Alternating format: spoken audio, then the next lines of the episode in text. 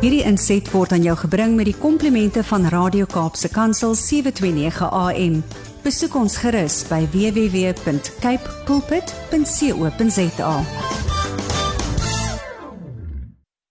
Luisteraars, ek is Marita Martins en ek is diep onder die besef van die onbetwisbare verantwoordelikheid wat op elkeen rus wat nou met jou in gesprek tree.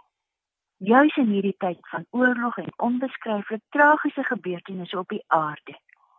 Dinge wat ons waarskynlik nie nou in ons lewenstyd verwag het nie. Om net so by jou te kom sit, net so saam met jou na antwoorde kos in die wil van die Here in ons lewe in hierdie tyd te soek is 'n voorreg waarvoor ek die Here dank. En daarom vra ons hom: Here, wees in ons midde. Meester, leer ons. Ons tema is hoe en waar.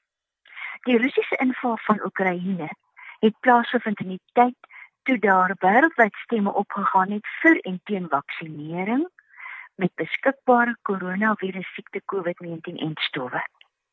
Op die voorblad van die nasionale koerante het daar teen dag 13 na die inval van Oekraïne opskrifte soos die volgende begin verskyn. Oekraïne 1 miljoen menslike tragedies.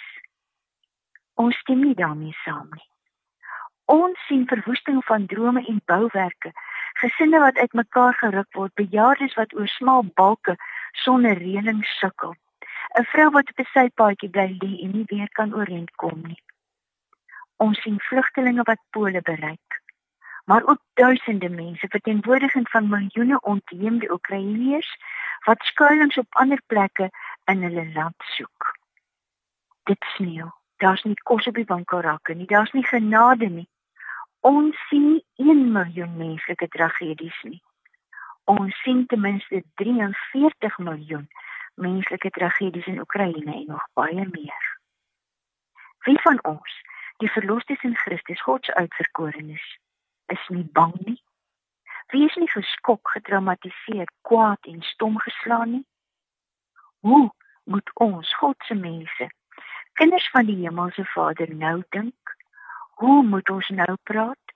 Ons wat kinders van God is, hoe moet ons bid? Dalk is die samevattende vraag die Sambriel vraag, Hoe moet ons God se kinders nou leef?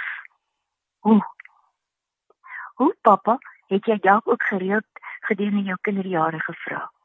Jy wil weet om iets wat jy nog nie tevore gedoen het nie te bemeester te doen en te hanteer. So het ons pa gereeld gesê. Dan het hy ons daardie spesifieke ding leer doen. Ons het niks anders oorweeg nie.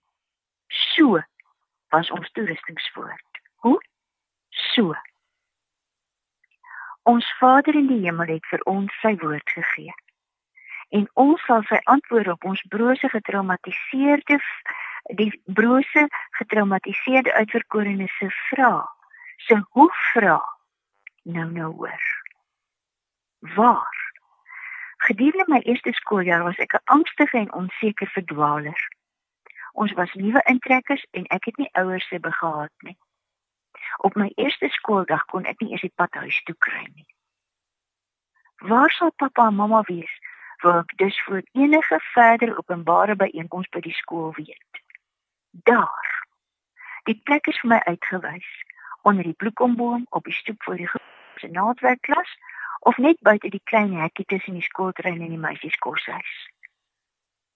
Wanneer ek dan in 'n geharwar of in die donker na prysuitdeling na geborgenheid gesoek het, het ek geen draaie geloop nie. Ek het geen ander bestemming oorweeg nie. Ons ouers was my geborgenheid en hulle het daar vir my gewag.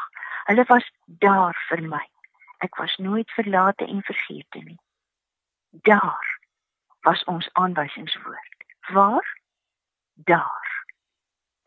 Ons Vader in die hemel het vir ons sy woord gegee en ons sal sy antwoord op ons waarheen vraag as sy baie bang en diep ontstelde brose uitverkorenes nou nou hoor.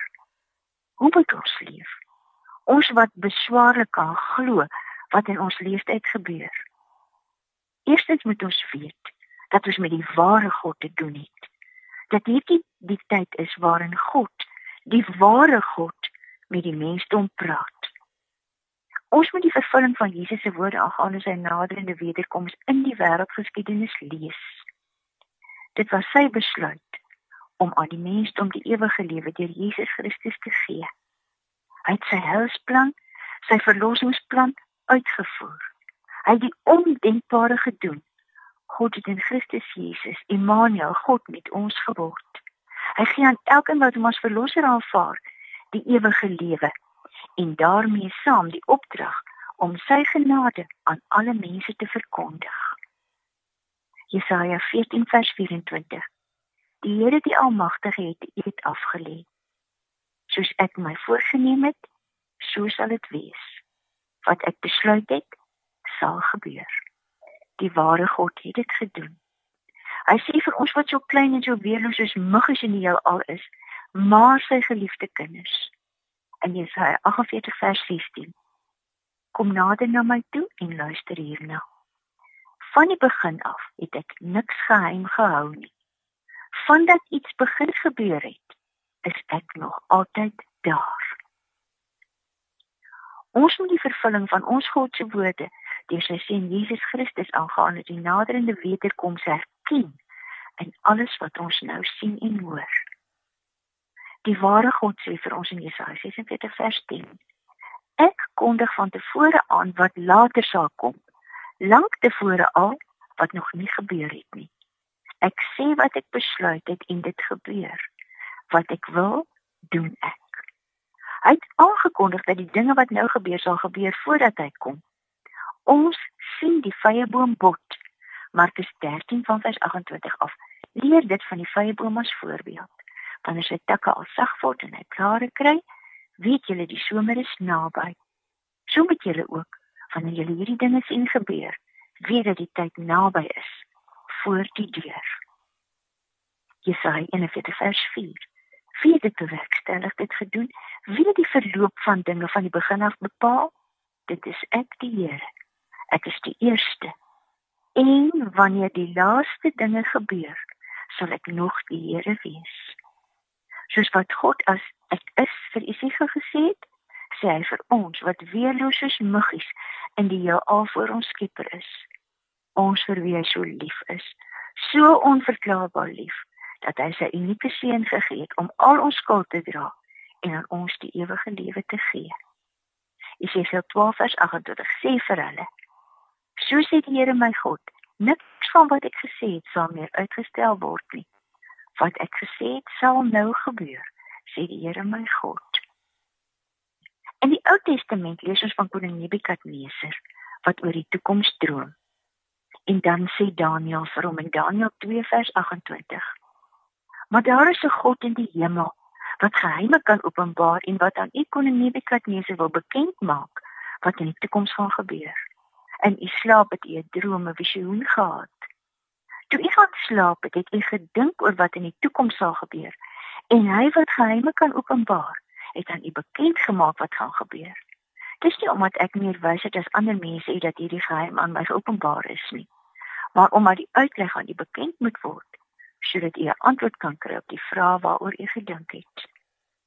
Dan staan daar in Daniël 2 vers 44: In die tyd van daardie konings, die vierde koninkryk in die droom, sal die God van die hemel 'n koninkryk oprig wat nooit vernietig sal word nie. sien jy vernietiging, liewe luisteraar?